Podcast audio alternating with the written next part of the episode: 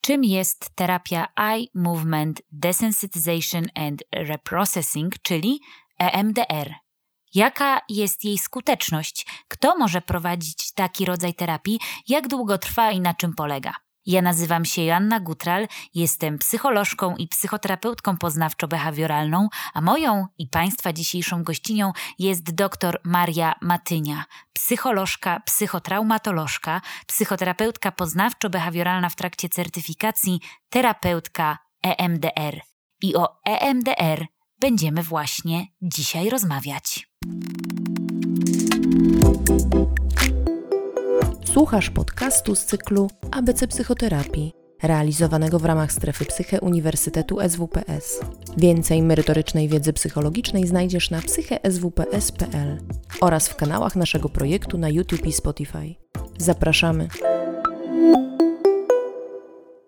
Cześć Maria. Cześć Asiu. To może tak na początek po prostu z grubej rury pytanie rzeka, podzielimy je na części w trakcie. Czym jest terapia Eye Movement Desensitization and Reprocessing EMDR? No dobrze, Asiu, to ja może Ci ułatwię. Po polsku terapia odwrażliwienia za pomocą ruchu gałek ocznych, także jest nazywaną terapią przetwarzania i desensytyzacji za pomocą ruchu gałek ocznych. I celem terapii MDR jest przetworzenie wspomnień, wspomnień, które wciąż są w jakiś e, sposób e, gorące dla nas, czyli wzbudzają bardzo silny efekt. Terapia MTR wykorzystuje bilateralną stymulację i tutaj jak nazwa wskazuje, czyli za pomocą ruchu gałek ocznych. I ta terapia składa się z kilku faz. Ta nazwa jakby mm, odwołuje się do jednej z nich, czyli do tej, w której wykorzystujemy mm, ruch gałek ocznych. I co ja mam na myśli mówiąc przetworzenie danego wspomnienia, tak? Jak każdy spojrzy w przeszłość, to gdy sobie przypomni różne takie sytuacje, to na pewno znajdzie jakieś takie doświadczenia w swoim życiu, które wzbudzają nas emocjonalnie. I także wzbudzają nasze ciało, nasz układ współczulny. Czyli co ja mam na myśli to, że jak sobie pomyślimy o czymś, to na przykład czujemy, że już nas boli brzuch, że się napinamy, że czujemy niepokój, że czujemy dyskomfort. Terapia MDR, jej pierwotne zastosowanie i oryginalne służyło wyłącznie do terapii zespołu stresu pourazowego, czyli PTSD. Mhm. To wejdę ci w słowo, bo myślę sobie, że ja kiedy pierwszy raz y, usłyszałam o terapii EMDR i słyszałam o tym przetwarzaniu, trudno mi było sobie wyobrazić, jakby to miało wyglądać. To znaczy, że co, siedzę, mrygam tymi oczami, patrzę, nie wiem, kręcę kółka, ósemki wzrokiem. Gdybyś mogła przybliżyć naszym słuchaczom i słuchaczkom, w jaki sposób to wygląda. Mamy formę webinarową, więc możesz nam pokazać, ale poproszę Cię też o warstwę audio dla tych, którzy będą nas w przyszłości słuchać. Jest to terapia, która ma swój protokół. Jest to e, terapia ustrukturalizowana, czyli my posługujemy się protokołem. I ten protokół zakłada kilka faz. Jedną z nich jest to, że my powracamy do pewnych bardzo trudnych wspomnień. Czyli prosimy pacjenta, osobę, która uczestniczy w terapii, żeby wróciła e, swoimi myślami do danego wspomnienia, ale skoncentrowała się na tym, co się dzieje tu i teraz w odpowiedzi na powracające wspomnienie. Czyli na przykład, bo przyszłości nie zmienimy. To, co się wydarzyło, to już się wydarzyło, ale działamy na tym, co pojawia się tu i teraz, tak? Prosimy, żeby pacjent, już mówię bardzo w skrócie, bo nie, mogę zdradzić całego protokołu, ale pytamy pacjenta, co czuje, jakie emocje się pojawiają w kontekście właśnie przypomnianego wspomnienia, jakie odczucia z ciała, jakie myśli i przekonania na swój temat. Tak? Bilateralna stymulacja może przybierać różne formy. Jedną z nich to jest wzrokowa, czyli pacjent podąża wzrokiem za palcem terapeuty, tak? Czyli wodzimy wzrokiem prawo, lewo, prawo, lewo, prawo, w lewo. Ale to jest tylko jedna forma taka. Może być y, jedna z wielu, tak? Bo możemy także wykorzystywać taką bilateralną stymulację, w której pacjent słyszy raz dźwięk w prawym, raz w lewym uchu, raz w prawym, raz w lewym, albo na przykład stymulatorki, gdzie prosimy jest takie urządzenie specjalne, które dajemy do rąk pacjenta i raz czuje pacjent takie brzęczelnie, trudno mi to nazwać, raz w jednej dłoni, raz w drugiej. Podczas przetwarzania różne wspomnienia powracają, takie powracają emocje. I ta bilateralna stymulacja ma za zadanie na to obniżyć napięcie emocjonalne, które się pojawia wraz z pojawiającym się wspomnieniem. Ale nie tylko napięcie emocjonalne się zmienia, bo zmienia się również perspektywa, a także narracja tego, co się wydarzyło. Y, Maria, zaraz Cię zapytam, na czym dokładnie to polega, ale pojawiło się pytanie, e, które przyznam szczerze, że kiedy pierwszy raz usłyszałam o EMDR, a to już było lata temu, to y, miałam podobne odczucia. Mhm. I to pytanie brzmi: Przeczytam dokładnie tak, jak pojawiło się na czacie. Zalatuje szamanizmem. Czy Ojej. metoda ma podstawy naukowe? I wiesz, jak słyszałam pierwszy raz o tym, że ktoś porusza gałkami ocznymi w lewo i w prawo, to mi się wydawało to, no, przynajmniej podejrzane, dopóki nie usłyszałam i nie zaczęłam zgłębiać, co ta stymulacja ma e, za zadanie zrobić. Czy mogłabyś nam trochę opowiedzieć o podstawach naukowych tej metody? O podstawach. No, powiem szczerze, jeżeli chodzi o tło teoretyczne, to w kontekście MDR-u go brakuje, tak? To przyznaję szczerze. I faktycznie, jeżeli tak opowiadam, to może się komuś wydać to, że to jest hipnoza czy coś tym podobnego. I faktycznie, tak na pierwszy rzut oka, co takiego się naprawdę dzieje. Wiemy, i to pokazują wyniki randomizowanych badań klinicznych, że ta terapia działa. Okay? Jest ona obecnie rekomendowana przez Światową Organizację Zdrowia, przez towarzystwa amerykańskie, psychiatryczne, zarówno psychologiczne. Ale przede wszystkim to jest ważne, że jest wiele badań, które polegają na tym, że my obserwujemy, co się dzieje w naszym mózgu podczas bilateralnej stymulacji. Mówię tutaj czysto o neuroobrazowaniu. Tak? Jakie części naszego mózgu są aktywowane w czasie bilateralnej stymulacji? I tutaj przede wszystkim bardziej MDR odwołuje się do tego, w jaki sposób nasza pamięć zapamiętuje zdarzenia, które mają, jakby mają silny afekt tak? Bo inaczej zapamiętujemy zdarzenia, które dzieją się nam na co dzień, a trochę inaczej, które wywołują bardzo silny dyskomfort. Okay? I co ja tutaj bym powiedziała, tak? Już mówiąc bardzo prostym językiem, nasz mózg składa się z prawej i lewej półkuli. Ta prawa odpowiada za pamięć emocjonalną. Taki przykład. Mieliśmy wypadek samochodowy. To ta prawa półkula będzie odpowiadała za to, co co czuliśmy, ale nie tylko na poziomie deklaratywnym, bo nasze ciało zapamiętuje dane zdarzenie także na poziomie sensomotorycznym. Nie da się czuć złości, strachu, lęku bez odczuć z ciała. I to nasz mózg koduje. Ta lewa półkula jest natomiast odpowiedzialna, jest uznawana za taką bardziej racjonalną. Tutaj zapamiętujemy, jak to tłumaczę pacjentom, taką e, dane do raportu. Ja bardzo często pracuję ze służbami mundurowymi, czyli jeżeli policjant przejeżdża na zdarzenie, to potem musi wrócić do komisariatu i napisać dany raport, tak? E, no i tutaj musi odtworzyć, co generalnie się wydarzyło, co, kiedy, jak, kiedy, o której, kto co powiedział, w jakim kontekście, w jakim cyklu miały miejsce dane zdarzenie. I kiedy emocje biorą górę, to e, często te półkule nie współpracują ze sobą na tych samych zasadach. I to prawa półkula przejmuje, um, przejmuje kontrolę.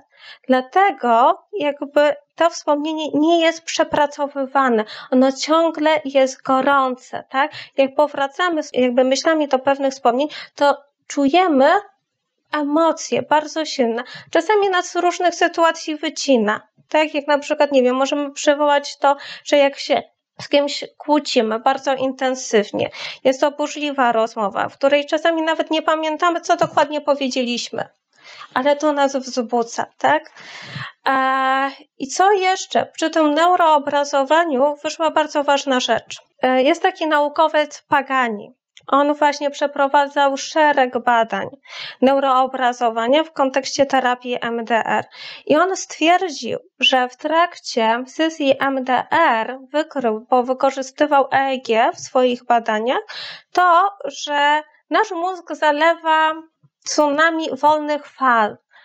E, czyli to są takie fale, które bardzo często pojawiają się w fazie snu REM. Okay? Wtedy, kiedy zasypiamy. Okay?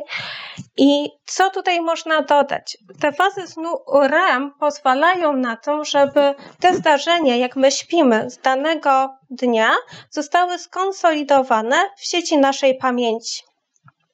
Jeżeli na przykład nauczyliśmy się jakiejś umiejętności tuż przed snem, i wyniki badań pokazują, jeżeli pozbawimy tej osoby snu REM, czyli tych automatycznych fal i ruchu gałek ocznych, bo w tej fazie właśnie zachodzi w naturalny sposób ruch gałek ocznych, to po obudzeniu ta osoba nie jest w stanie przypomnieć sobie tego, czego się nauczyła. Okay? Czyli wiemy to, że kiedy te ruchy gałek ocznych występują i te fale występują, to wtedy dane wspomnienia i informacje są przetwarzane. Czyli my, te nasze wspomnienia nie są tak żywe, ale generalnie nabieramy takiej perspektywy czasowej. To tak.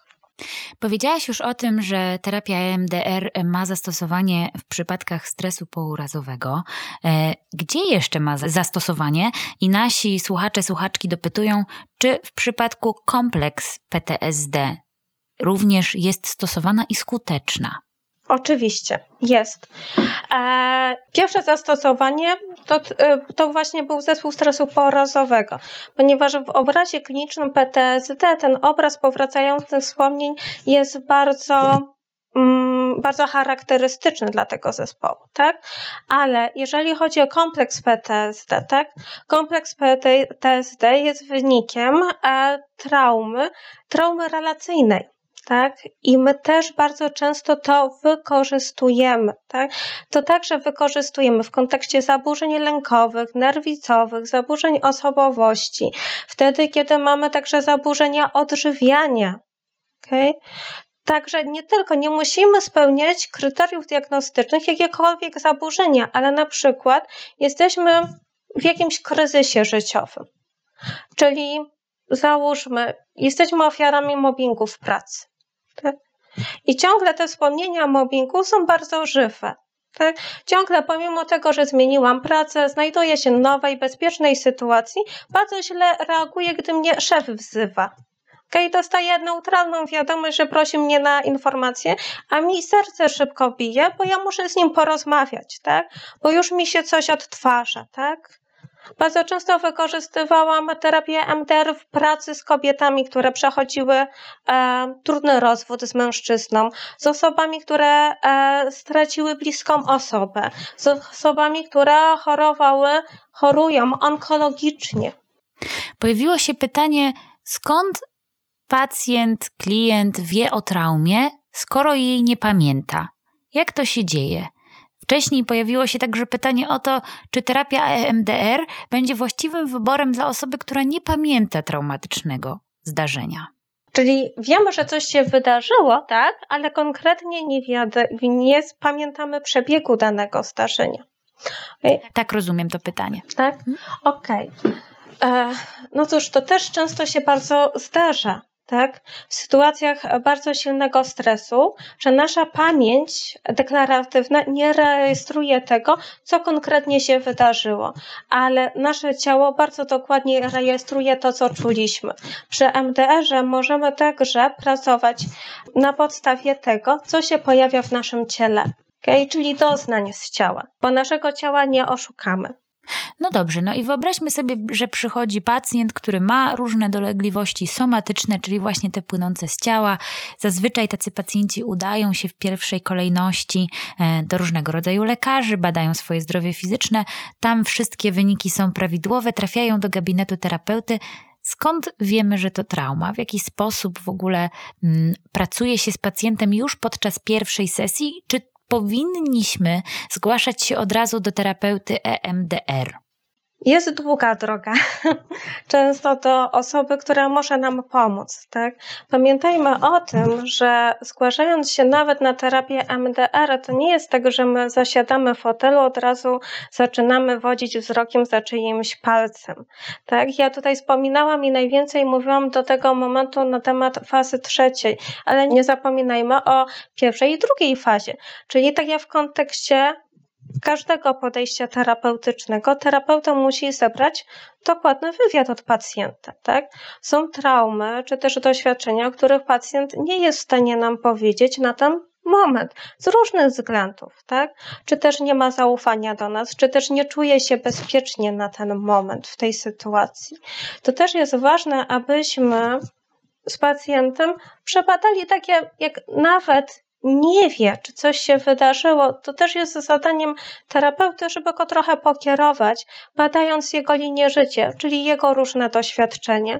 Bo pacjent może przyjść na przykład z sytuacją wtedy, kiedy czuje na przykład paniczny lęk przed wystąpieniami, załóżmy czy na przykład jakąś ewaluacją w pracy. Jest to bardzo trudny okres dla niego, który on bardzo silnie przeżywa. I czasami jest zadziwiające dla niego to, dlaczego w taki, a nie inny sposób na to reaguje. Czyli tak silny, a jego koledzy czy też koleżanki podchodzą do tego bardziej łagodniej i na lusie. Tutaj możemy sobie zadać pytań, bo może pacjent po prostu się triggeruje, czyli że dana sytuacja przypomina mu jakieś jego wcześniejsze doświadczenia z przeszłości. I tutaj warto było zadać sobie pytanie, czy może wcześniej w życiu był poddawany jakiejś ocenie, czy był porównywany do kogoś. Co się takiego zadziało, że tak ocenia siebie, nie wiem, gorzej i źle w kontekście danej sytuacji. A Grawka dopytuje, chodzi mi o traumy relacyjne z dzieciństwa, których się nie pamięta. Czy wówczas terapia EMDR będzie skutecznym rozwiązaniem, skuteczną metodą terapeutyczną? Tutaj przede wszystkim e, to też jest rola terapeuty, żeby o wiele rzeczy, też sytuacji dopytać pacjenta. Żeby on opowiedział trochę o tym od dzieciństwie, o tej relacji, co pamięta, co jest w stanie powiedzieć. Bo czasami e, pacjenci mają wrażenie, że pewne sytuacje, które miały miejsce w dzieciństwie, były naturalne, normalne, adekwatne do sytuacji i może zderzą się z jakąś inną perspektywą. Powiedziałaś o pierwszej i drugiej fazie, powiedziałaś także, że trzecia faza terapii MDR, o niej mówiłaś najwięcej. To gdybyśmy mogły to mm, uporządkować i opowiedzieć od początku, y, z czego składa się terapia EMDR, z czego składa się ten proces terapeutyczny, jak długo trwa? Ojej, jak długo trwa? No to jest takie pytanie, na które odpowiem jak e, e, zwykły psycholog, czyli to zależy. I e, równie dobrze ten przebieg terapeutyczny może być krótki, tak? Kilka, kilkanaście sesji, jak i może się wydłużyć nawet do roku i dłużej. To zależy że z czym i z jakimi doświadczeniami przychodzi do nas pacjent. Trauma traumie nie jest sobie równa. I już abstrahując od tego, bo może powiem tak, że e, traumy pojedyncze, czyli pomimo tego, że może są w jakiś sposób bardziej spektakularne, czyli jakiś wypadek, coś się stało komuś, są o wiele łatwiejsze do pracy, jeżeli mamy do czynienia z pojedynczym zdarzeniem, aniżeli z takimi doświadczeniami, które łączyły się z raczym przeżywaniem chronicznego stresu. Tak jak zwyczaj, ta trauma relacyjna, tak? To nie jest łatwa sprawa.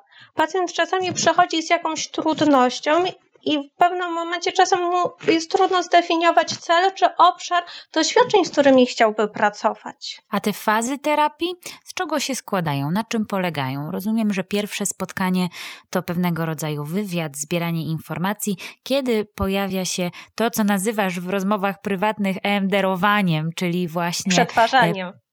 Tak, powinno się prawidłowo, Maria, ale chciałam zdradzić kawałek, że zazwyczaj mówisz na to w rozmowach prywatnych EMDerowanie, co nie jest prawidłową nazwą, ale mi tak e, pięknie pozwoliło e, zapamiętać i zobrazować, bo od ciebie najwięcej nauczyłam się na temat EMDR-u.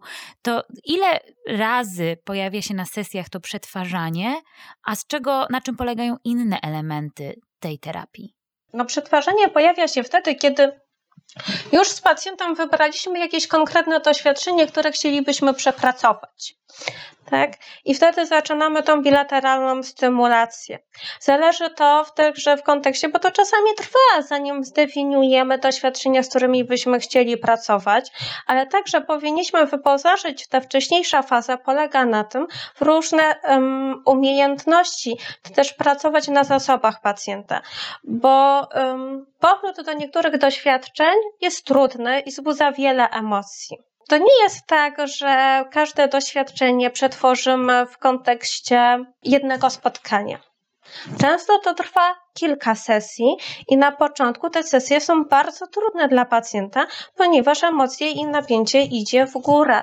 Pacjent też powinien wiedzieć, w jaki sposób może sam trochę je uregulować, tak, żeby pacjent wychodził nam stabilny z gabinetu.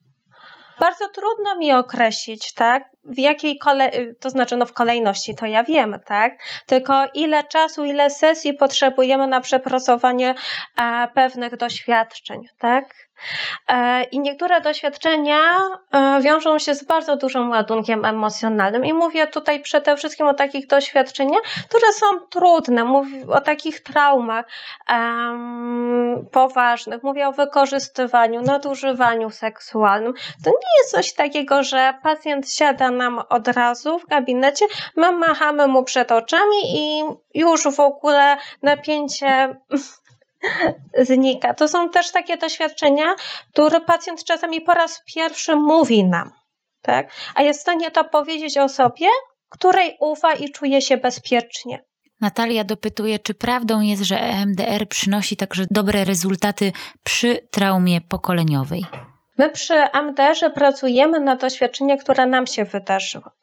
E, ja to mówię trochę tak, takiego z mojego prywatnego punktu widzenia, tak?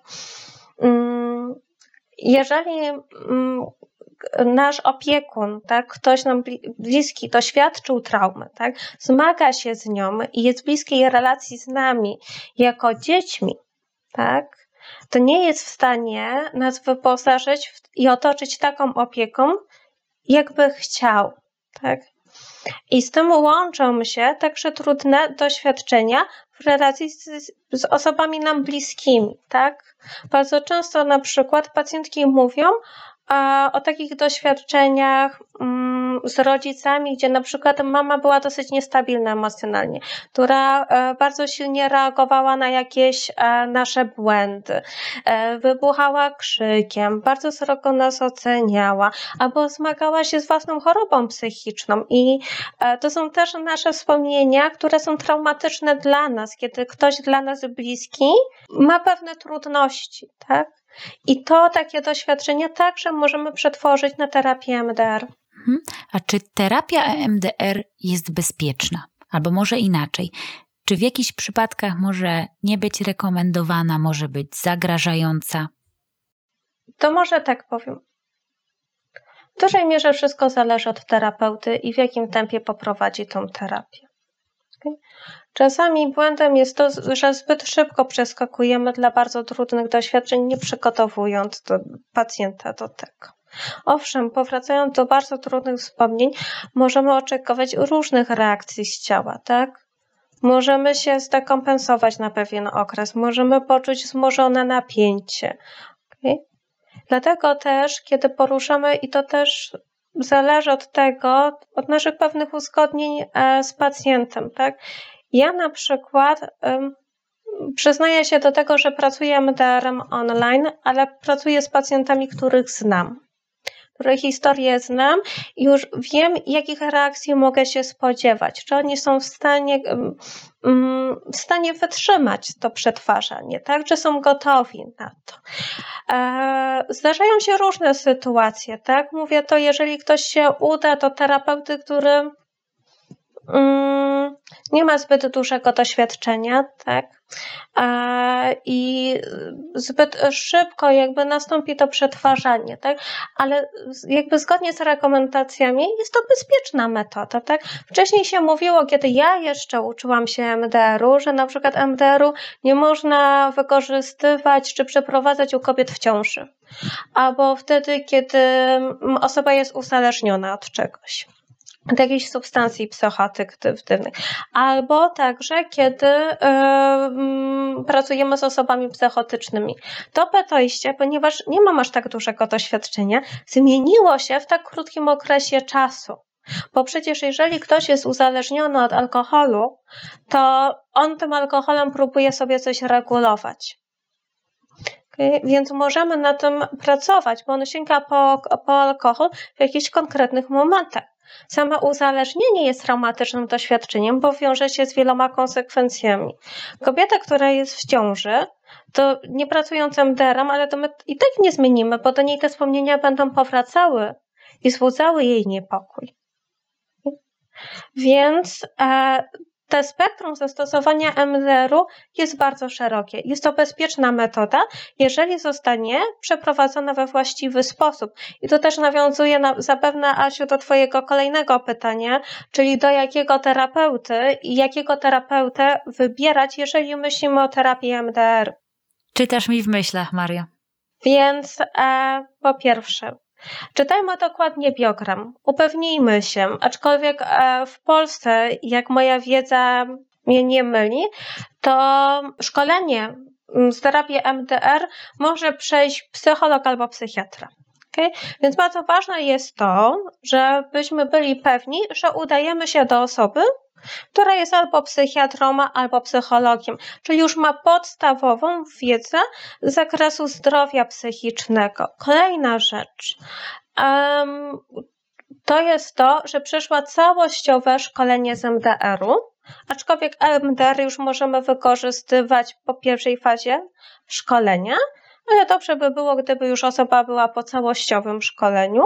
No i oczywiście, ale to nie jest konieczne, żeby była psychoterapeutą. Znam bardzo wielu bardzo dobrych terapeutów e, MDR, którzy nie są psychoterapeutami, ale są psychologami i terapeutami MDR. No co kolejna rzecz, którą warto zwrócić uwagę, to jest to, czy dana osoba e, jest członkiem towarzystwa terapii MDR, bo jeżeli jest, to, mm, to zapewne bierze także udział w wielu warsztatach doszkalających mm, i bierze udział w regularnej superwizji. E, jeżeli ktoś jest zainteresowany, to może wejść na stronę Polskiego Towarzystwa Terapii MDR i tam jest taka zakładka, gdzie są rekomendowani terapeuci MDR, którzy spełniają te kryteria. Cała lista na całą Polskę pojawiło się kolejne pytanie a propos niektórzy oferują terapię EMDR w całości online. Czy to jest skuteczne, bezpieczne i etyczne? Wiemy, że MDR online pomaga. Czy jest bezpieczne w każdych sytuacjach? Mm, nie wiem, bywają różne sytuacje tak? Ja bym rekomendowała, aby osoba, która wcześniej nie brała udziału w sesji MDR, przede wszystkim skontaktowała się z terapeutą, który przyjmuje stacjonarnie. To jest po pierwsze. Owszem, terapia MDR działa online, tak? Tylko też mówię tu bardziej w kontekście tego, y, z jakim spektrum doświadczeń zgłasza się do nas pacjent. Bo jeżeli mówimy o, o dużych traumach e, przez duże T, E, no to może niekoniecznie. Na przykład nie podjęłabym się pracy z pacjentem online, kiedy na przykład by, bym miała doświadczenie wykorzystania seksualnego. Hmm. Pojawiło się kolejne pytanie, czy terapia MDR może być skuteczna w leczeniu osób z syndromem DDA? Czyli dorosłych dzieci alkoholików. Okay? Tak Będąc dorosłym dzieckiem alkoholika, mm, w przeszłości doświadczyliśmy trudnych doświadczeń, które się związały z alkoholizmem rodziców czy też rodzica, tak? I to też są mega trudne sytuacje, które też mogli, możemy przepracować. Przecież jak sobie pomyślimy na przykład na jakichś wspomnieniach, doświadczeniach, które miały miejsce w przeszłości, ciągle czujemy jakieś pobudzenie, niepokój nie da się jakby zapomnieć o tym. I to też chciałam jakby dodać. Terapia MDR nie polega na tym, żebyśmy zapominali, czy też zapomnieli o pewnych zdarzeniach, które miały miejsce w przeszłości, bo to jest po prostu niemożliwe, nierealne.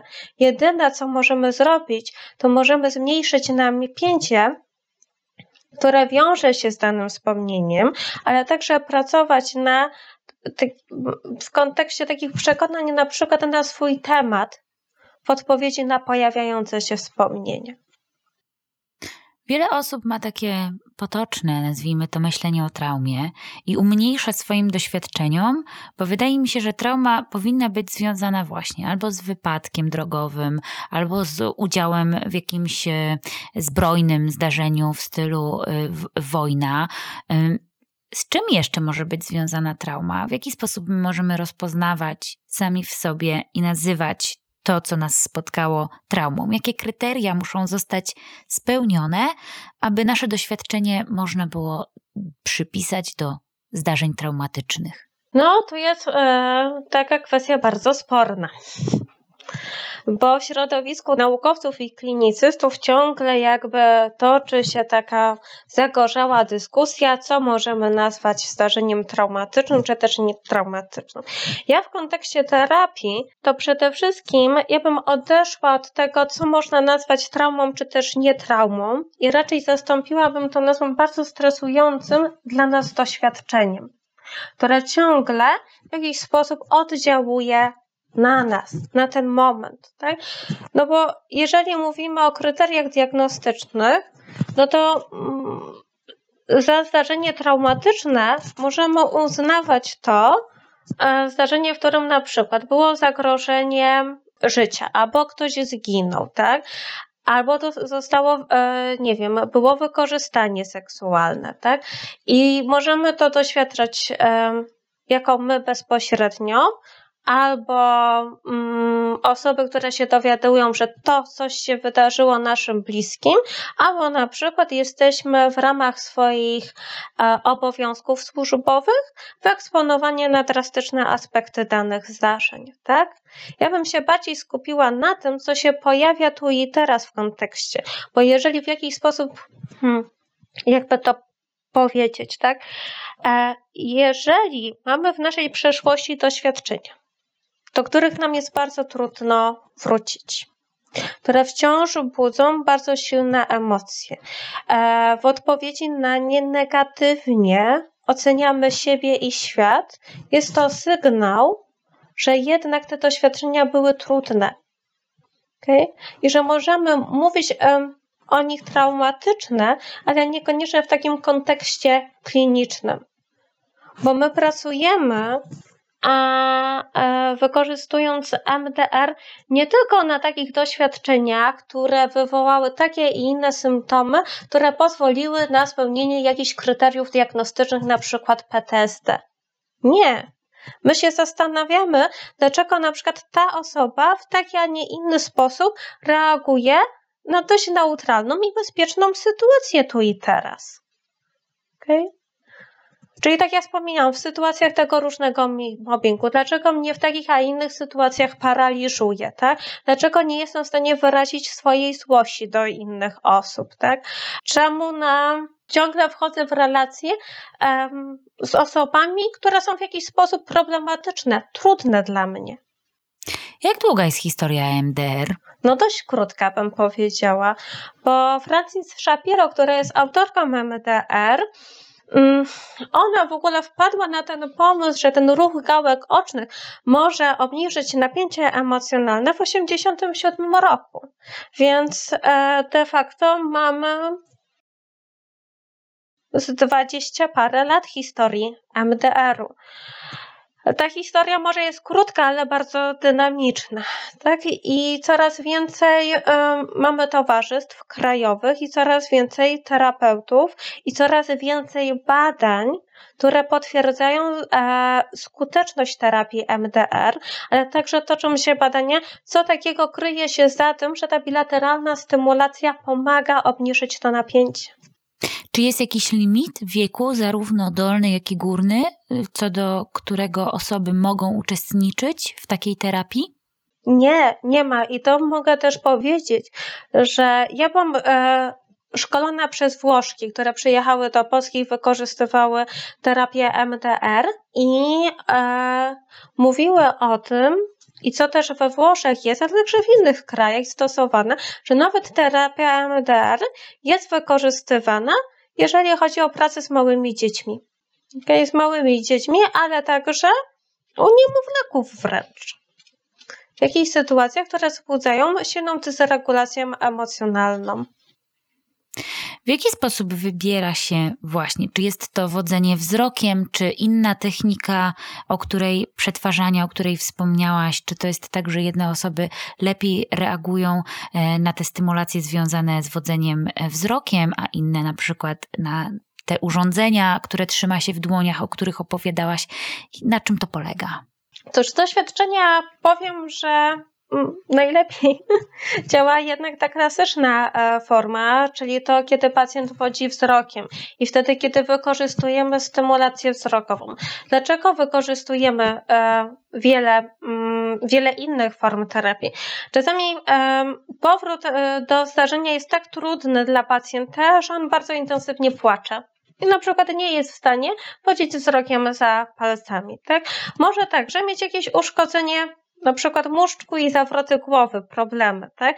Wtedy już bardziej wykorzystujemy słuchową. Jeżeli pracujemy z pacjentem online, no to y, tutaj ten ekran ogranicza nam możliwość poruszania palcami, więc wtedy najczęściej wykorzystujemy tapping, tak? Czyli, że na przykład się poklepujemy.